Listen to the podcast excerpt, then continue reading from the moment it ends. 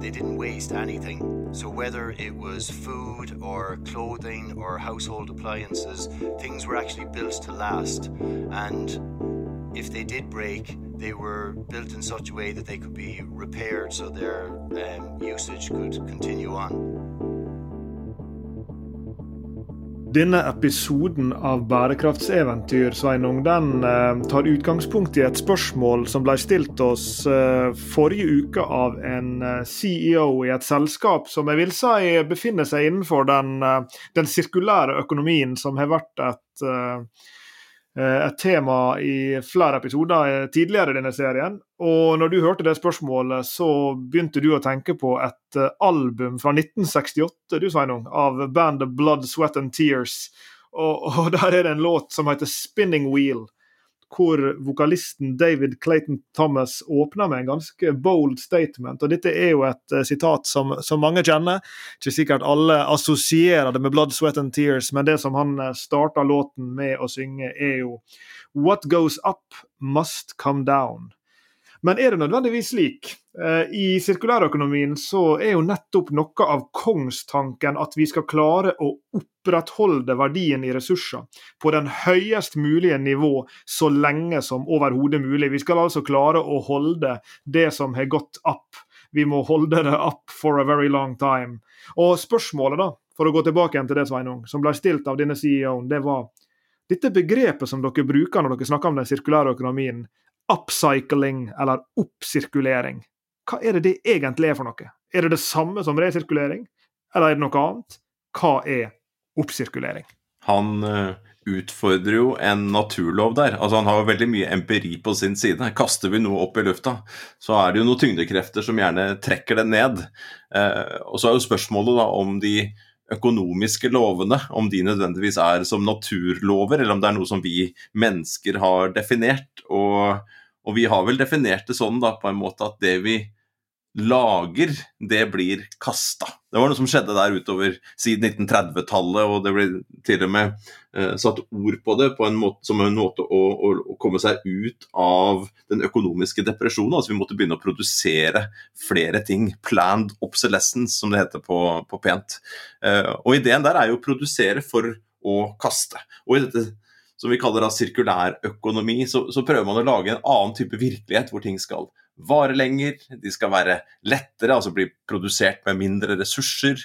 Uh, og så skal det ikke bli kastet, men det skal, bruk, det skal brukes på nytt. Uh, og Der har jo resirkulering vært, vært, uh, vært ett begrep. altså Vi tar tak i, i, i det som tidligere var Eh, ble kalt avfall, og så skal vi bruke det på, på, nytt igjen. Men så er det ikke nok med resirkulering da, i denne sirkulære økonomien. Her prøver man å bryte med den eh, økonomiske loven at, at, det som kastes opp, det, det må falle ned. Man skal altså oppsirkulere, eh, bruker man som begrep. Altså man skal holde det oppe på et så høyt nivå som mulig. Og for å være litt mindre eh, abstrakt da, og, og, veldig konkret, så i det øyeblikket den pennen jeg nå holder Eh, i hånden er tom for blekk, så skal den ikke kastes, den skal fylles på.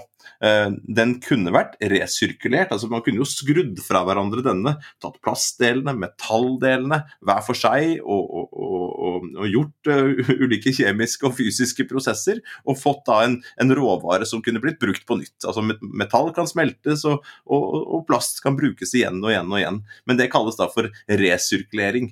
Um, mens oppsirkulering vil da være å, å fylle på pennen, sånn at den kunne vare og vare og vare og vare. Og en nedsirkulering, det vil jo da bety eh, at man tar denne pennen og ja, resirkulerer den, men anvender dette her i noe som kanskje har veldig kort levetid, og som til slutt vil bli kastet. Så det øyeblikket vi setter fra oss en, en plastflaske, eller panter den, um, ja, så er vi avhengig av at den enten blir fylt på igjen, altså oppsirkulert, eller at den blir eh, resirkulert til nye flasker. Og så prøver vi å hindre denne nedsirkuleringen, altså vi prøver å hindre at den blir en fleecegenser f.eks., som varer bare en kort stund, og som til slutt kommer til å havne på fyllinga eh, allikevel. Så, men, men, disse her begrepene, hva de innebærer, hvordan denne totale sirkulære økonomien skal fungere, og hvordan alle disse forretningsmodellene da, er nødt til å, å, å, jobbe sammen og fungere sammen for å lage disse systemene. For den måten å, å, bryte da med sangen og kunne si at nei, det er ikke alt som blir kasta opp som er nødt til å falle ned, men det krever at vi definerer og implementerer en helt annen type økonomi enn det vi har i dag. I hvert fall kan vi jo prøve det som en sånn eh, moderne Diego Maradona, og i alle fall eh, trikse og holde den ballen oppe i lufta så lenge som mulig. Men jeg, jeg tenker på dette begrepet da, oppsirkulering, for å ta det litt eh, ta begrepet litt på alvor. Jeg skal til og med prøve meg på en liten definisjon her. Men ordet oppsirkulering er jo ikke sånn, sånn som bare ruller av tunga i et hvilket som helst eh, middagsselskap, selv om du kan jo prøve deg. Uh, altså Det er ikke et begrep som, som, som folk liksom har i dagligtalen sin, men du hører likevel, i, spesielt i, i business-sammenheng, begrepet oftere og oftere poppe opp. Men som du var inne på, resirkulering det er jo et ord som alle kjenner. Det er noe som, som alle har et forhold til. Uh, og, og, som det kan lønne seg å se dette oppsirkuleringsbegrepet i relasjon til. Uh, og og den første gangen vi hørte oppsirkuleringsbegrepet bli brukt, så, så, var jo det nettopp med den samme kontrasten. Og jeg kan faktisk ikke huske noe hvem det var som, som, som sa det her, men, men, da var jo på en måte one-lineren da, at resirkulering det er jo egentlig en type nedsirkulering, altså det som en ofte kaller downcycling på, på engelsk. Altså Resirkulering er jo egentlig en type nedsirkulering, men det vi må lykkes med, er jo en oppsirkulering. Altså en måte å la eh, produkt, komponenter, materiale, ressurser sirkulere i økonomien og i, i, samfunnet på en slik måte at de minst opprettholder verdien. Altså Du vil vel tenke at noe som, som holdes på en like høy verdi som det han har, det, det, kan vi vel sånn hårfint tenke på også som oppsirkulering. Men aller helst, som du sa, så skal, det, så skal verdien på dette produktet, denne komponenten, denne, dette materialet, eh, økes. Og Vi kommer til i løpet av denne episoden å komme inn på mange versjoner av det her. Fordi at oppsirkulering handler ikke kun om at ja, her er et eller annet produkt som er på slutten av sin levetid, og så oppsirkulerer vi det derfra. Du kan også fint se for deg at du tar en helt ny ressurs, og så oppsirkulerer du den ytterligere. Altså, eh, du, du, du anriker den med enda mer verdi. Fordi hvis vi tenker på definisjonen her, da, så, eh, så snakker en om oppsirkulering som gjenbruket av produkt, objekt, komponenter, materiale på en slik måte at en skaper noe som er av høyere kvalitet eller verdi enn det, det originale, altså det som en sitter på. Og Det betyr jo, for å bruke et litt søkt eksempel, da. Jeg, jeg kommer jo fra, fra bygda, og, og, når folk kjøpte seg eh, mopeder der eh, når jeg var ung, og det er sikkert sånn fortsatt, så var jo det første de gjorde, var jo å trimme dem. Og, og, trimming av en moped er jo også en form for oppsirkulering, i den forstand at du gjør produktet til noe rikere enn det er. Så Jeg har bare lyst til å sprenge boksen litt her, at vi ikke kun ender opp med å snakke om, om ting som er på slutten av livet, ting som er i ferd med å bli avfall. Men det er klart, det er der kanskje de store massene av ting eh, som vi snakker om med, med oppsirkulering, befinner seg. Men, men oppsirkulering er jo noe som kan skje langs hele kjeden av produktet sin liv langs hele kjeden av materialet sitt liv. Så jeg, hadde bare lyst til å utvide kampsonen litt grann, eh, på veien. Kan jeg stille deg et spørsmål da, Lars Jakob? Det her høres ut som om om verdiskaping på et vis. Altså man, man, man, tar noe, og så skaper man mer verdi av det. Ofte så snakker vi om produkter som gjøres om til en tjeneste. Altså mobiltelefonen som en tjeneste med f.eks. software som gjør at man kan bruke ulike apper og sånne ting. Og som også da gjør at man kan oppgradere en telefon. Man trenger ikke å kjøpe en ny en f.eks. Og, og vi økonomer er jo veldig glad i den tilleggsverdien, eller på utenlandsk added value. Eh, men er det noen av denne dette her, eh, hvis, hvis, du først leker deg litt med oppsirkulering og økt verdi da, eh, så, som begrep, og bruker trimming her helt eh, konkret Jo, jo, jeg bare leker. Jeg må prøve meg. Så, er, det noen, er, det, er det noen begrensninger da for hva som er økt verdi. Altså sånn kan man også begynne å snakke om at det kan være en verdireduksjon eller en verdiødeleggelse. At det kan være noen negative eksternaliteter, for å bruke et sånt økonomisk begrep, eh, knytta til det. Eller, eller er, det all, er, det all, form for tjeneste altså, all, all, Unnskyld, er det all form for verdiskapning? Altså, jeg, dette er et veldig viktig spørsmål, og, og på en måte så, så dytter jo jeg oss litt ut av kursen for, for episoden her ved å introdusere dette så tidlig. Jeg har bare ikke lyst til at vi skal binde oss utelukkende til den der liksom, value from waste, gjøre avfall om til nye ressurser osv. Fordi at jeg mener at oppsirkulering er så veldig mye mer. Uh, og, og, nå var nok kanskje ikke Jeg skal ikke bli kjent som han der fyren som, som skulle snakke om bærekraftig business, og så snakker jeg om trimma mopeder istedenfor. Men, men jeg tenker at noe av, noe av, uh, av greia her er jo hvis vi tenker på grunnprinsipper i, i uh, disse som ofte blir brukt litt sånn uh, slagordaktig i sirkulærøkonomien, uh, refuse, reduce, reuse. Altså med andre ord du, En måte å bidra til sirkulærøkonomien på er å si nei takk, jeg trenger ikke et nytt produkt. En annen er å gjenbruke, en annen er å, å refurbish, oppgradere. Og, og da vil jeg tenke at i et slikt perspektiv så vil det å ha et produkt som har noen attributter, og så lykkes med å gi det, det produktet flere attributter, eller gjøre det av høyere kvalitet, slik at du slipper å kjøpe et nytt et det, det, vil jeg karakterisere som å være innafor. Så hvis du tenker på datamaskiner, kanskje det er et godt eksempel. Uh, unge kids er jo i, i, gjennom alle tider, eller så lenge vi har hatt maskiner, er jo røska av baksida av datamaskinen sin, og så har de dytta inn flere ram og de dytta inn flere ditt og datt. og Det er en måte å oppgradere det eksisterende produktet på, heller enn å måtte gjøre det nødvendig å kjøpe et nytt et.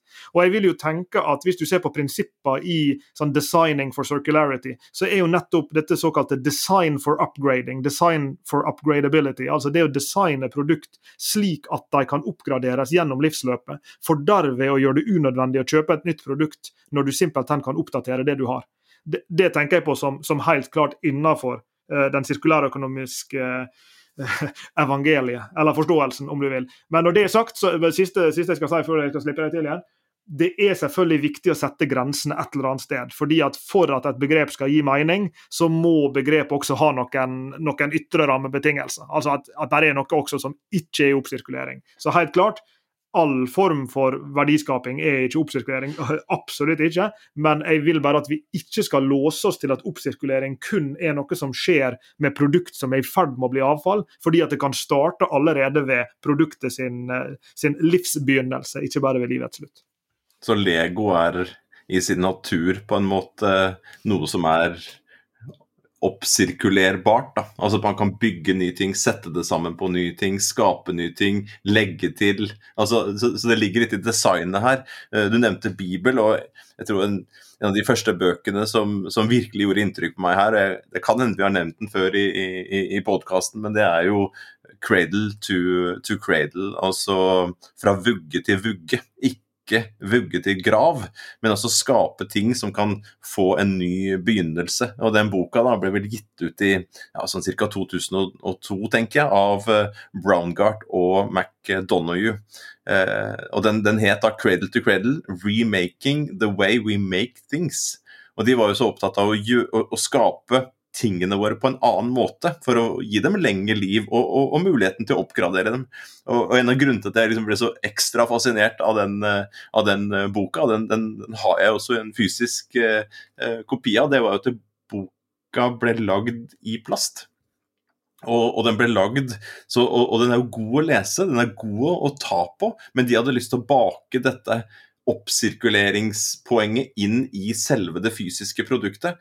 Og, og den ble jo laget da med blekk som ikke var giftig, eller er giftig. Eh, og det er også da muligheten å, å varme opp eh, boka, eller eh, koke den.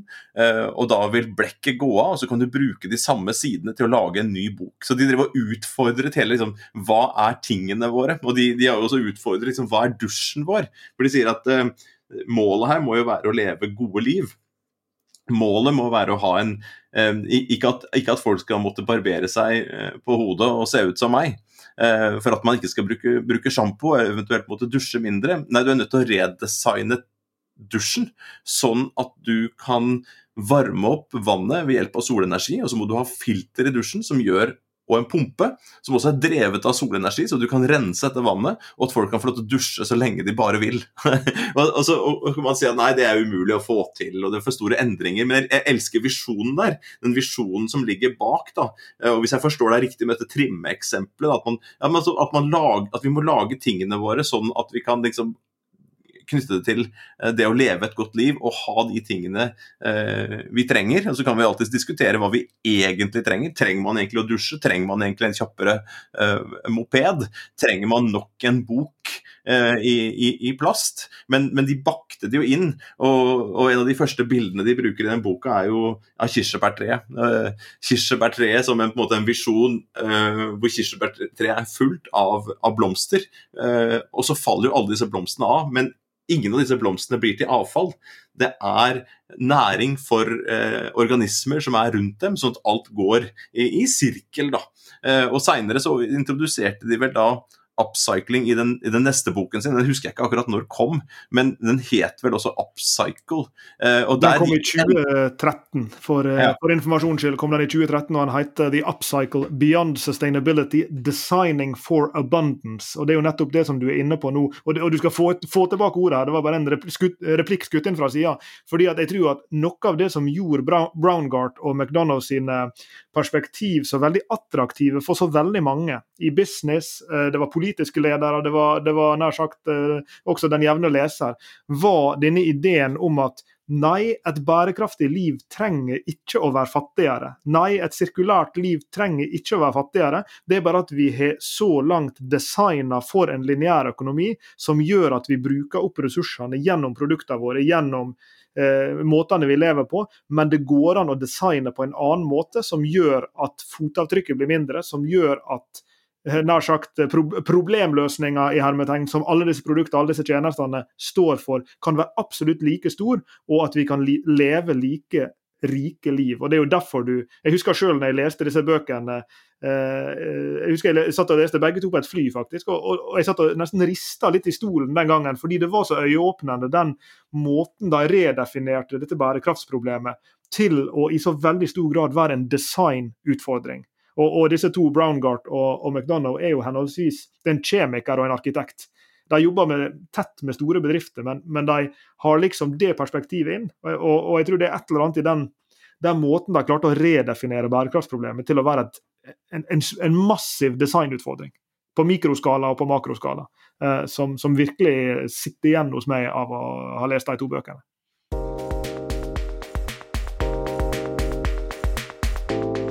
Jeg er litt usikker på hvem som egentlig har introdusert alle disse begrepene. Og, jeg har jo ikke studert og, og kikka så nøye på det før vi satte oss ned ved mikrofonen og, og tok denne praten, Lars Jakob. Men eh, resirkulering, da, som du sa, det, det, har vi hatt med oss lenge. Eh, faren med resirkulering er at det kan bli nedsirkulering. Altså at man tar eh, og gir en plastflaske en runde til. da, Ender opp som en fleecegenser. ikke sant? Super å ha den, og den har i hvert fall strukket ut livet eh, til, til plasten eller til den ressursen lenger enn den kunne vært. Og det kan jo hende at den fleecegenseren klarer å bli fanget opp, at den blir isolasjon i en, i en bildør f.eks. Altså, eh, seinere. Og det kan jo også hende at man klarer å fange opp igjen den, den, eh, den plassen enda en gang. Og, kunne, og, og etter at bilen er, er, er utslitt, kan brukes til noe annet. Men, men det er en fare da, for at resirkulering blir nedsirkulering, at den til slutt havner opp på fyllinga. Uh, noen ganger så er det helt sikkert umulig. Her er det folk der ute som har mye mye mye større kunnskap på, på ulike typer ressurser og, og, hva som er mulig å gjøre med, med, med, hver av dem. Men som en idé, da, for dette her er jo på idénivået. Det vi skal prøve her, er å bryte med den naturloven. Bryte med den økologiske loven som på en måte etablert seg om at, at ting som vi produserer, det, det, må vi kaste. Men så vet vi det at det er dyrt å reparere ofte, og det er dyrt å, å redesigne disse produktene. Det er dyrt å oppgradere alle hus i hele verden med en dusj som, som, uh, som er som den jeg beskrev uh, tidligere. Men her er det altså idealet. Det settes et ganske høyt ideal tenker jeg da, rundt denne sirkulære økonomien totalt sett, da, hvor alt skal liksom gå som naturen i syklus. Og man skal produsere disse her tingene våre med, med, mer eh, fornybar energi, det skal være mindre giftstoffer, det skal være lagd modellært, så når det er ferdig og man til slutt ikke kan reparere lenger, så skal dette her kunne gå inn i syklusen eh, på nye måter. Og Det er jo store, krevende endringer, og, og nesten sånn utopiske endringer. Men som vi introduserte meg her, da, og det er jo en påstand at vi på en måte har lagd vi har jo lagd det økonomiske systemet. Det er jo ikke en økonomisk naturlov nødvendigvis. Eh, men skal vi bryte eh, med den loven, så må vi ha noe annet. Vi trenger andre typer begreper og forståelser. Og den CEO-en som du nevnte eh, tidligere her, som har lyst til å gå inn og skape produkter som, som, som, varer som ønsker å ta naturressurser eller, eller ta avfall, da, og gjøre og hente ut de, de, ressursene og skape nye produkter, få dem til å vare lenge. Eh, ikke bare det, men også for Du sa dette med å redesigne produkter, Lars Jakob, men det handler jo også om å redesigne forretningsmodellene. vil jo vi si, I tillegg til hele det økonomiske systemet. At man redefinerer bedriftenes forretningsmodell på en sånn måte at de produktene man lager, de, de, de går ikke til spille. Man får dem tilbake igjen på et eller annet vis. Eh, sørger for at de blir reparert, sørger for at de får et lengre liv. Sånn at du i det minste eh, bidrar til å hindre den nedsirkuleringen, og, og ideelt sett da klarer å å oppsirkulere eh, disse, disse, ressursene, sånn at de ikke går til eh, spille. Vi skal ta og gi et par eksempel, Sveinung. For nå vi snakker mye om kall det om prinsipper. Vi har snakka mye om, om grenseoppgangen mellom hva du vil tenke på som henholdsvis opp- og nedsirkulering. Du brukte jo dette klassiske eksempelet med plastflaskene, som ikke blir til nye plastflasker, men ofte blir til fleecegensere, f.eks. Og, og fleecegenseren blir vel ikke til en ny fleecegenser. Jeg vet ikke, Kanskje blir den satt fyr på, for alt jeg vet. Dette, det kan ikke jeg nok om akkurat hvordan de trappetrinnene nedover ser ut, men det er i alle fall denne formen for nedsirkulering her. Men hvis vi prøver å ta noen eksempel da på oppsirkulering. Eh, her er jo en hel klasse av forretningsmodeller som har fått dette navnet 'value from waste'-forretningsmodeller. Eh, vi hadde jo jeg og du forelesning for de 230-40 masterstudentene våre på, på, masterkurset 'Sustainable Business Models' i går. og Da hadde vi eh, da introduserte vi et rammeverk for sirkulære forretningsmodeller som er utvikla av en gruppe forskere som er ledet av, av, en god venn av oss fra, fra Berlin, som heter Florian Lydecke Freund. Han er jo en av uh, de virkelige tankelederne på, på det sirkulære økonomiske feltet uh, i dag. Og, og, I dette paperet som, som um, dette rammeverket blir presentert i, så tar de for seg ja, hva er de seks hovedklassene av forretningsmodeller innenfor sirkulærøkonomien. Og så er det én av disse seks som da er dette som vi ofte kaller for value from waste-modeller. Altså hvor du tar da, noe som er avfall eller er på vei til å bli avfall, og så, og så lykkes du med å oppsirkulere det til, til uh, nye, uh, nye produkt av høyere kvalitet. Og så er det viktig å si her at du sa i stad dette handler ikke bare om produkter, men også om forretningsmodellene. Ja, og det handler også om produksjonsprosessene. Altså med andre ord um, energien som går inn i en produksjonsprosess, vannet som går inn i, inn i en uh, produksjonsprosess. Uh, hva med, med liksom avgassene som kommer ut av en fabrikk, som i sånne industrielle symbiosemodeller går inn og blir brukt som innsatsfaktorer i andre produkt. Så er det jo massevis av sånne strømmer i økonomien. Ressursstrømmer, materialstrømmer, energistrømmer. Som alle sammen helst skal opprettholdes eh, på, på, en høy verdi. Eh, for å ta et eksempel på det siste først eh, så ble vi jo fortalt om dette miljøgartneriet nede på Jæren, som ligger rett over gata fra en Tine meierier. Eh, fabrikk, hvor da eh, det varme vannet og CO2-en fra meieriene går over og inn i tomatproduksjonen borte på Miljøgartneriet, og så går det kalde vannet tilbake igjen. Det er jo et godt eksempel på en oppsirkulering på prosessnivå. Altså at det som egentlig er i hermetegn avfallsstoff fra meieriproduksjon, henholdsvis CO2 og varmt vann, det går over og blir brukt igjen. Og, og jaggu om ikke det kommer tilbake igjen også i form av kaldt vann, som kan gå inn igjen i, i meieriproduksjon. Et annet uh, eksempel i, i, den biologiske enden, om du vil, altså bio, biologiske strømmer. Dette er jo en sånn skillelinje som en, som en opererer med i sirkulærøkonomien. En skille mellom de biologiske syklusene og de tekniske syklusene. Dette snakker vi om i episoden vår om sirkulærøkonomi nummer fem, tror jeg, i denne podkastserien. Uh, og, og, Et annet eksempel der som, som har mye vind i seilene om dagen, er jo det med oppsirkulering av matavfall. Det er jo det veldig mange som, som uh, lykkes med. Og, og Gamlemåten uh, kan en kanskje si, var jo å kompostere. Og Det er jo ikke så verst, men, men det er jo samtidig det er jo samtidig ikke veldig ambisiøst hvis du har en, en haug med, med, frukt og grønt som er i ferd med å gå ut på dato, at du komposterer det, så blir det til jord. Fordi jeg vil vel hevde, selv om, om jorda har verdi, så, så har, har appelsinen høyere verdi da, i en viss forstand, i et slags hierarki her. Så hvis noen kunne spist den appelsinen istedenfor, at du komposterte den, vil jo det være en fordel. Og Et konkret case som her i Bergen eh, rulles ut om dagen, er jo at bier sin matavfall sendes til Invertapro på Voss, hvor larver spiser matavfallet fra husholdningene. og Så mates larvene i neste omgang til fisk i form av fiskefôr, som da igjen blir en fisk. Og gjennom et par ledd i den kjeden da, så har du tatt matavfall, og så har du gjort det om til ny mat. For hvis du tenker på den nye fisken som, som i alle fall et potensielt måltid. da. Og, og det er en veldig sånn tydelig oppsirkulering. Du går fra avfall til til eh, spiselige ressurser i, i, løpet av et par ledd i en sånn kjede. Så, så det er jo noen eksempel på, på, biologiske sykluser som innebærer en reell oppsirkulering. Og så har vi jo nevnt en gang i en tidligere episode, husker jeg, eh, men ikke med, ikke med dette temaet, men vi nevnte Interface, denne veldig kjente teppeprodusenten fra USA som, he, som var tidlig ute med sirkulære modeller i, i industrien. Og, og, et av de relativt sett nyere prosjektene de har, er jo at de samler inn eh, havplast og spesifikt sånne fiskenett i jeg tror det er Filippinene først og fremst. Eh, og, og, hvor dette da brukes som innsatsfaktorer i nye tepper. Og Det vil jo være et godt eksempel på det samme. altså En, en reell oppsirkulering, hvor du tar noe av som ikke bare har lav verdi, det er et ekte problem. Det er altså fiskenett som ligger, eller garn som ligger ute i sjøen og, og kveler skilpaddene og hva det måtte være. Og Det blir da plukka opp, det blir frakta til Slovenia, om jeg husker rett. Det blir produsert eh, nye tepper av det, som så legges ut på hotellrom og hva det måtte være. Så da har du igjen en, en reell oppsirkulering fra dette flytende problemet som blir til et høykvalitetsprodukt som kan selges i det åpne marked. Skal vi diskutere det litt, Jakob? Fordi disse fiskegarnene, da, som er ødelagt. Og de kan jo være helt ødelagte, de. Altså, det kan jo være et, et virvar av eh, og, og, store hull og umulig å reparere. Men jeg tenker liksom at den første, første man burde kanskje forsøkt da, var jo å reparere dem. Eventuelt designe eh, fiskegarn sånn at de ikke sånn at de, sånn at de holdt lenger.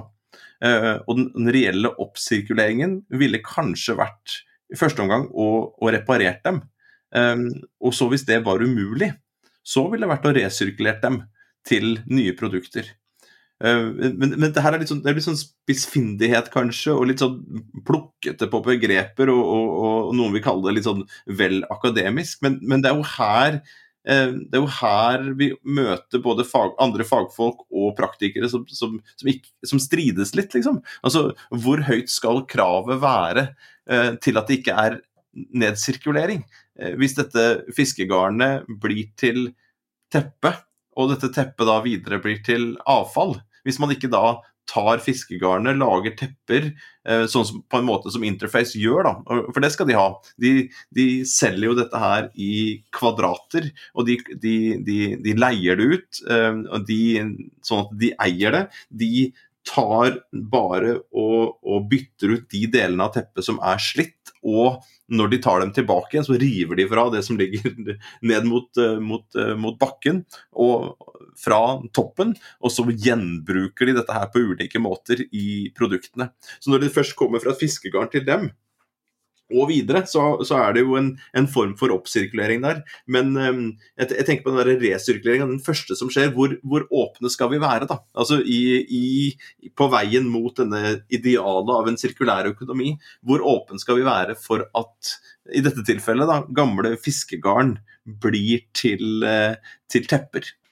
Ja, dette er jo veldig uh, altså, Her er jo det mange fasetter av dette her. og, og um en ting som, som jeg tror um, en ikke kan være helt blind for heller, er at det at denne oppsirkuleringsprosessen slik han er beskrevet, er så idealisert. Og han er jo også kontroversiell i den betydning at uh, vi, vi, er jo et uh, et stort nettverk inne på LinkedIn eksempel, av folk som har ulike roller i sirkulærøkonomien. og Noen av dem som er jo litt sånne Eh, tankeledere. Jeg, jeg, tenker spesielt på, på eh, Walter Stahel, som, som, var tidlig ute i å skrive både bøker og Han har en veldig kjent artikkel i Nature som tar for seg sirkulærøkonomien. Og, og, han er jo ikke akkurat eh, forsonende. Eh, hvis noen kommer drassende med et, eh, noe som de karakteriserer som et oppsirkuleringsinitiativ, som han etter sine relativt strenge kriterier vil si at nei, dette er ikke reelt sett en oppsirkulering. Dette her er i beste fall sånn slakk nedsirkulering.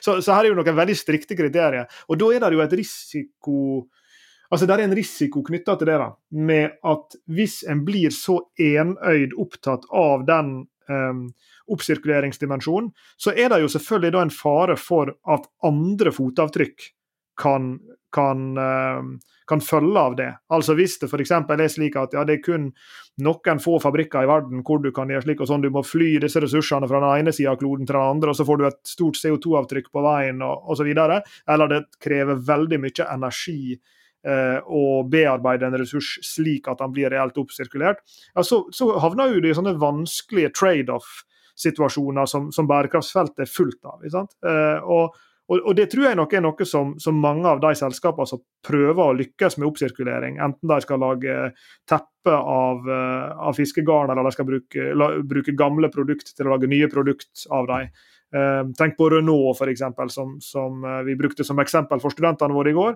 Som har, har lagt enorme ressurser inn i å kunne gjenbruke, oppsirkulere og nedsirkulere. For de, de gjør litt av alle delene. I, i, i, måten de bruker komponenter og, og materiale fra tidligere biler inn, inn i nye biler. Så, så, så, her er jo på en måte et, et komplekst sånn miljøregnestykke her. Da, og det, og det, er jo ikke vår hjemmebane. Vi, vi er på den bedriftsøkonomiske sida her, og ikke på den, den liksom teknisk uh, livssyklusanalyse og, og, og CO2-beregninger i det hele tatt. Men det er jo helt åpenbart at, at her er andre fasetter rundt det rent sånn oppsirkuleringsmessige som vi også er nødt til å ta hensyn til når vi skal vurdere det helhetlige fotavtrykket til eh, produkt som lages av gamle produkt, produkt som tar opp i seg gamle ressurser osv. Jeg er glad du tar opp det der, fordi at og vi har fått spørsmålet mange ganger er er sirkulærøkonomi nødvendigvis bærekraftig? Eh, og da er det noen som sier ja. for at det første prinsippet leste jeg en gang noe som svarte på det. Ja, for det første prinsippet er refuse, ikke kjøp noe.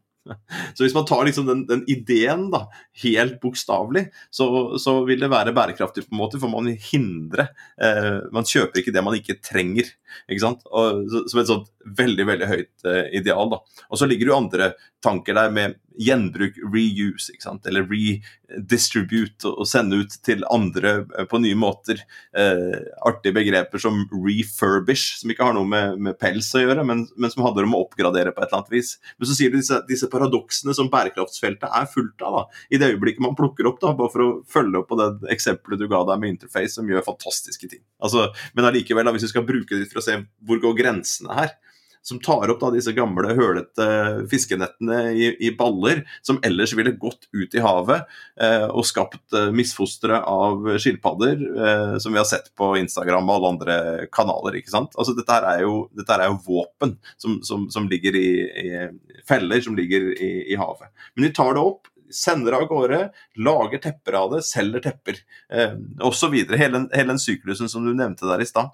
Og der vil man jo møte like store problemer hvis målet er å redusere det negative fotavtrykket, som man vil med andre typer tiltak. ikke sant? Så det er jo ikke noe enklere vei her. Eh, og jeg vil jo påstå at hele den sirkulærøkonomiske tankegangen, da, hvis man virkelig skal få bukt med den naturloven at det som går opp, det skal falle ned. Eh, skal man, skal man bryte med det, og bryte med det sånn at du virkelig får ja, mindre CO2-avtrykk. Du får mindre vannforbruk. Du får eh, bedre eh, sosiale betingelser for arbeidere og, og for kunder og, og, og, sånne ting. Hvis du skal dekke alle disse her, den, hele den smørbrødlisten, eller for å bruke bærekraftsmålene, da, dekke alle de 17 målene her, og både skape fred og redde havet og hindre klimautslipp osv., osv., så, videre, og så, videre, så er jo ikke nødvendigvis det er jo ikke bare å klistre på en sånn sirkulærøkonomimodell, og så løser alle disse problemene seg. Det vi opplever, er jo at det gir en styrke og det, til en del eh, diskusjoner. altså det gir en, man, man, kan forstå både idealet og hvordan den enkelte forretningsmodellen og Du, du var inne på dette her i stad for, for, litt siden, denne Lydeke Freund-artikkelen. Som da skiller da mellom seks sånne hovedtyper av forretningsmodeller som må virke sammen. Fra resirkulering til redesign av produktene til å bruke eh, fornybar energi i, i prosessene til å gi tilgang til produkter som en tjeneste igjen og igjen og igjen, som også da innebærer reparasjon, det å kunne ta tilbake og bruke komponenter på nytt i nye produkter. Altså, det, det, det, settes jo opp her et Jeg har brukt ideal mange ganger, eller et, et, et, et kart eller en modell for hvordan dette her kan gjøres, men den er jo full av feller og paradokser. Uh, og, det går ikke an, Vi har snakket om grønnvaskning tidligere. Vi kan vel kanskje også begynne å tenke litt sånn sirkulær vasking her. At, at, at, at man kan tenke det, at det, er fristende for bedrifter å, å prøve å sirkulærvaske eh, virksomheten sin, eh, og dermed komme ut bedre enn den faktisk er.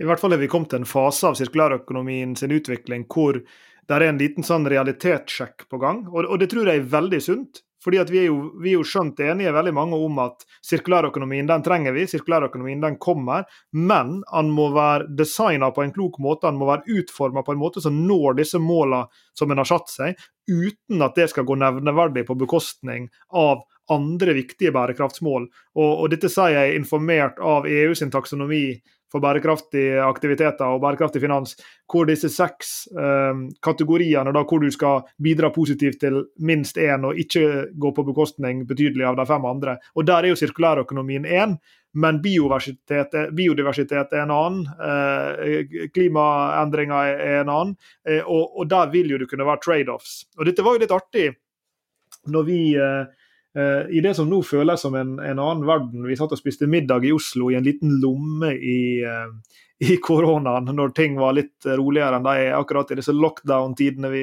vi, lever i nå. Uh, så spiste vi middag med en, en fremtidig gjest i denne podkastserien, kan jeg si, for det har vi allerede avtalt. Vi må bare finne en dato. Som, som er CEO i et selskap som bl.a. holder på med, med grønt stål.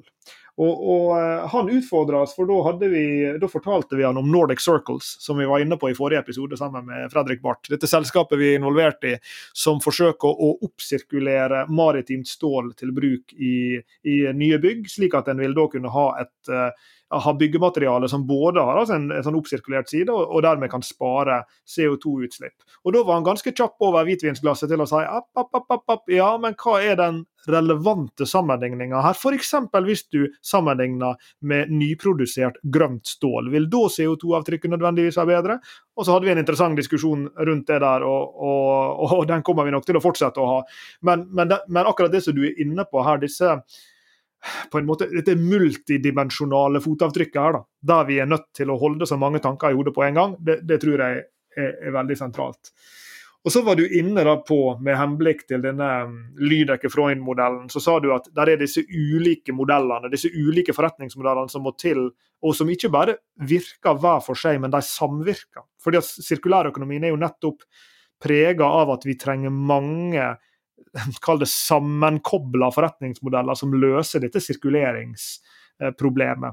Og ett begrep som brukes veldig mye i, i nesten all, alt sirkulærspråk, enten vi snakker om Ellen eh, MacArthur Foundation sin uh, legendariske sommerfuglmodell, som mange som er opptatt av, av sirkulærøkonomi, helt sikkert har sett. Eller en tenker på litteraturen om sirkulære forretningsmodeller.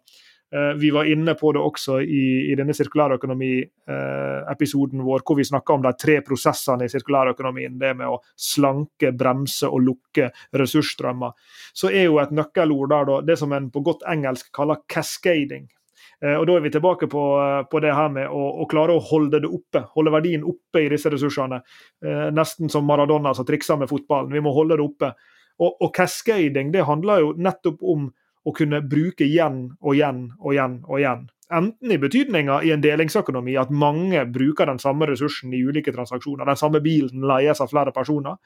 Eller i et second hand-marked, at du kjøper et produkt som noen har eid før eller i en oppgraderingsforstand, som vi var inne på i stad. At du kan ta datamaskinen din og fylle på med flere ram og, og bedre egenskaper, slik at produktet som sådan blir berika. Og disse kaskadene, da, disse sirklene som på en måte gjør at du igjen og igjen og igjen kan få mer ut av de samme knappe ressursene, det er jo det helt sentrale i sirkulærøkonomien. Og skal du få til da oppsirkulering, så trenger du disse mange kaskaderende, jeg vet ikke om det er et ord, disse kaskadebaserte forretningsmodellene som legger til rette for den. Legger til rette for gjenbruket, legger til rette for oppgraderinga, legger til rette for reparasjon. Legger til rette for at vi kan opprettholde disse verdiene igjen og igjen og igjen, så lenge som mulig, så lenge som mulig, så lenge som mulig.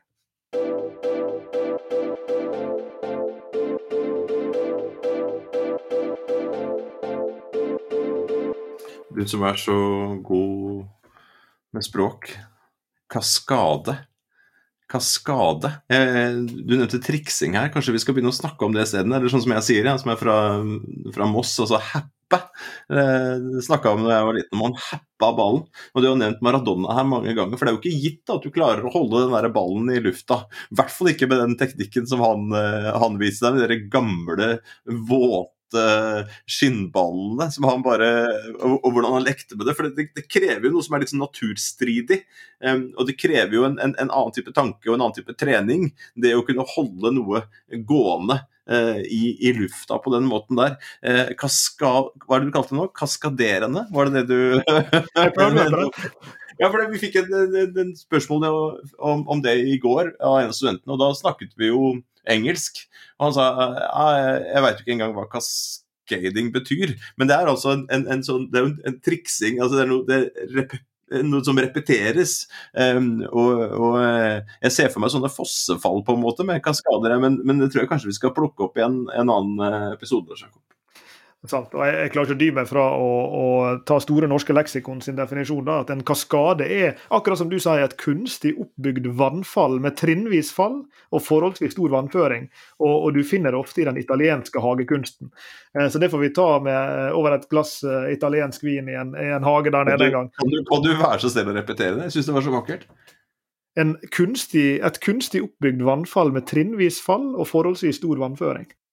Men kommer det Å ja, for det er kunstig, og da kommer du tilbake igjen nå. Men det krever en form for pumpe. da. Jeg lurer på om disse italienske pumpene var de drevet på solenergi? Er vi i nærheten her av denne ideelle dusjen til, til ja, ja, men Cradle Cradle? Ja, men altså, Hvordan skal man få til dette her, da? Man, for det, det, vil falle ned, men hvordan få det tilbake? Det vil bli slitt. Ehm, eh, bedrifter vil ønske å selge deg nye ting. for Det er jo der de, de tjener penger over tid. Og da kreves det annen type design av produktene. Du nevnte disse skipene og boreriggene som vi skal lage om til, til, til, til, boliger. De er jo ikke lagd modellære. Det er jo ikke bare å, å nappe ut bjelker og sånne ting. Det må skjæres og skrus og, og, jobbes med rent fysisk for å få det til. Og Så kan vi håpe da at framtidens skip, eller dagens skip, blir bygd modellære. De blir bygd for å ta fra hverandre og bruke nye skip, sånn at du kan da oppsirkulere dem i sitt høyeste verdi, og at i neste omgang at du kan finne alternative måter å bruke disse modulene på i bygg eller på, på andre måter, som man i hvert fall i framtiden kan utkonkurrere en sånn type grønt stål som er lagd av jomfruelige ressurser.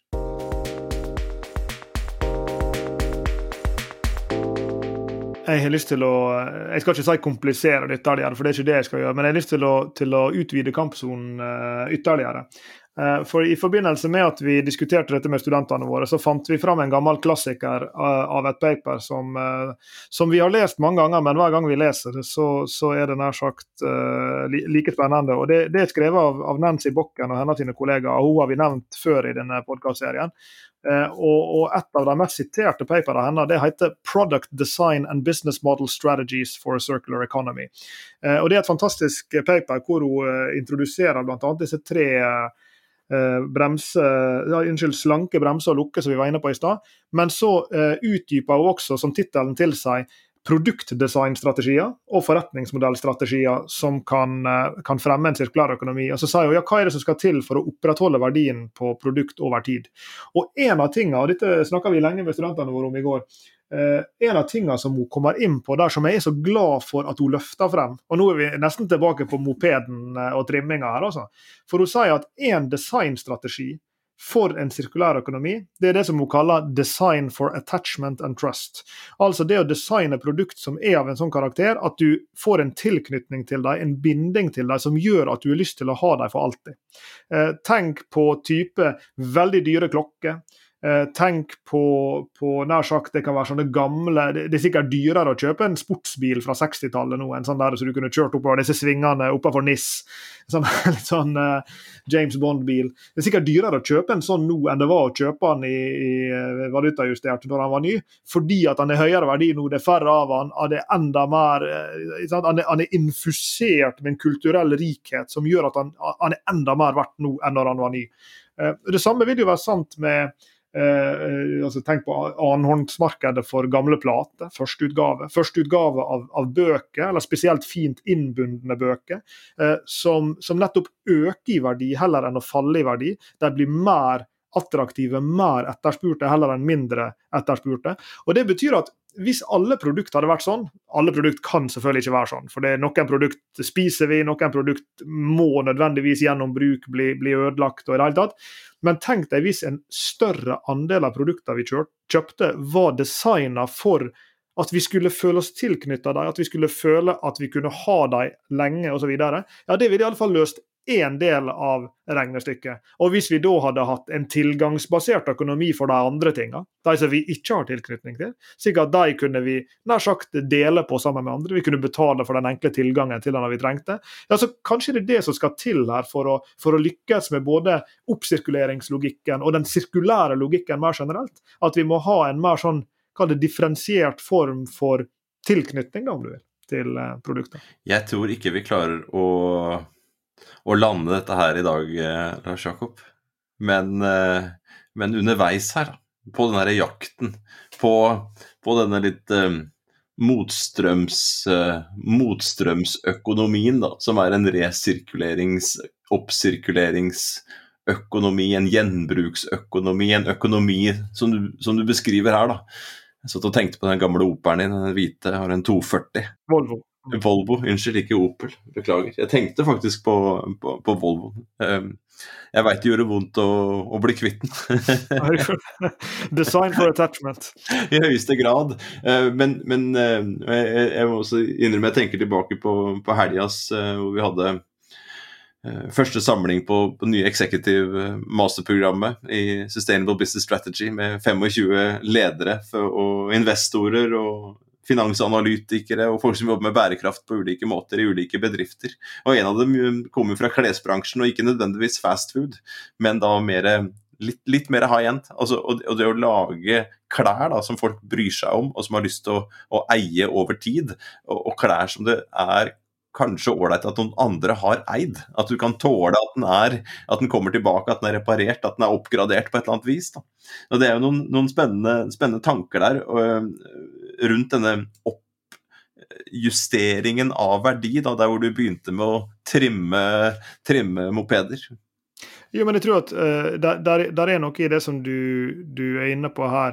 Og, og, og fashion syns jeg er et veldig godt eksempel, som nettopp uh, betoner uh, konsumenten sin rolle i oppsirkulering. Fordi at Det er noe med oppsirkuleringsbegrepet som føles så veldig på produksjonssida, liksom, som jeg var inne på i stad. Eh, liksom, her skal vi ha teknologier som gjør det mulig. Nå så vi henne som Maurits var i Dagens Næringsliv i helga, for de skal begynne å resirkulere mer og mer av, av tekstilene. Altså det, det, er så veldig sånn produksjonsorientert. Men jeg, jeg leste, eller jeg skråleste et vitenskapelig uh, paper i, i formiddag fra, fra en marketingjournal som heter 'When Creative Consumers Go Green Understanding Consumer Upcycling'. Altså det å forstå hva er kunden sin rolle i oppsirkulering. Og Der bruker de nettopp fashion som et eksempel. Og, og, og fashion er jo kanskje eh, et av de beste eksemplene på um, et slikt kreativt rom for kunder til å kunne ta ting av relativt sett lavere verdi. Altså eh, hvor mange eh, unge jenter i dag er ikke som deler på, på uh, sosiale medier at de har klart å sy et skjørt av noen gamle gardiner. Dette er jo hele den der type Jenny Skavlan-trenden rundt gjenbruk og, og liksom grønn, grønn fashion, om du vil. Uh, Dattera mi som er elleve år og en liten sånn aspiring uh, fashion-jente, hun, hun uh, tok gamle NHH-merchandise-ting og klarte å lage et skjort av det sjøl. og dette tror jeg er, nesten det beste eksempelet er jo fashion, fordi at der er det så mye av den der, det som de da kaller creative consumer upcycling. Altså det å kunne ta enten eh, gamle produkt som er dine foreldre eller besteforeldre sine, og lage nye ting av dem, eller ta ting du hadde som var noe annet, og lage noe nytt av det. Og sagt, der, der, er det jo også så mye eh, Apropos design for attachment. da, liksom Hele den der eh, sjøl det, det, at du, du, er med å skape eller samskape verdien, dette er jo noe som marketingfolk er veldig opptatt av. Eh, av tilknytninger til kunder til ting som de er med å skape sjøl, eh, er jo større. Eh, så, så, kanskje er det det vi trenger. altså En stor bølge av å liksom myndiggjøre kunder til selv å gjøre dette. Og, og jeg og Du ramla jo ned i kjelleren på en uh, Urban Outfitters tror jeg det var, i, i, Barcelona når vi var der og underviste på, på SAD Business School for to år siden. Uh, så kom vi ned i kjelleren der, så, så, var halve butikken gjort om til et sånn reparasjons- og oppgraderingsstudio. Hvor du kunne enten kjøpe secondhand-klær der som de tilpassa til deg, eller du kunne komme med dine egne klær, og de hjalp deg å gjøre det som du jeg ønsker å sy på ei lomme, eller jeg ønsker whatever. Så, så det, det, har jo vært tilbudt lenge gjennom forretningsmodeller av den typen, men, men uh, ikke minst så er det jo noe i kundens egne armer her. altså Å kunne ta tak i det sjøl og være med på det oppsirkuleringsjaget. Enten det er en gardin som blir til et skjørt, det er en ny moped som blir til en trimma moped, eller, eller, det er en uh, slapp datamaskin som blir jazza opp med mer ram. så Hvis jeg hører deg riktig, Lars Jakob, så sier du at det som går opp må ikke nødvendigvis falle ned.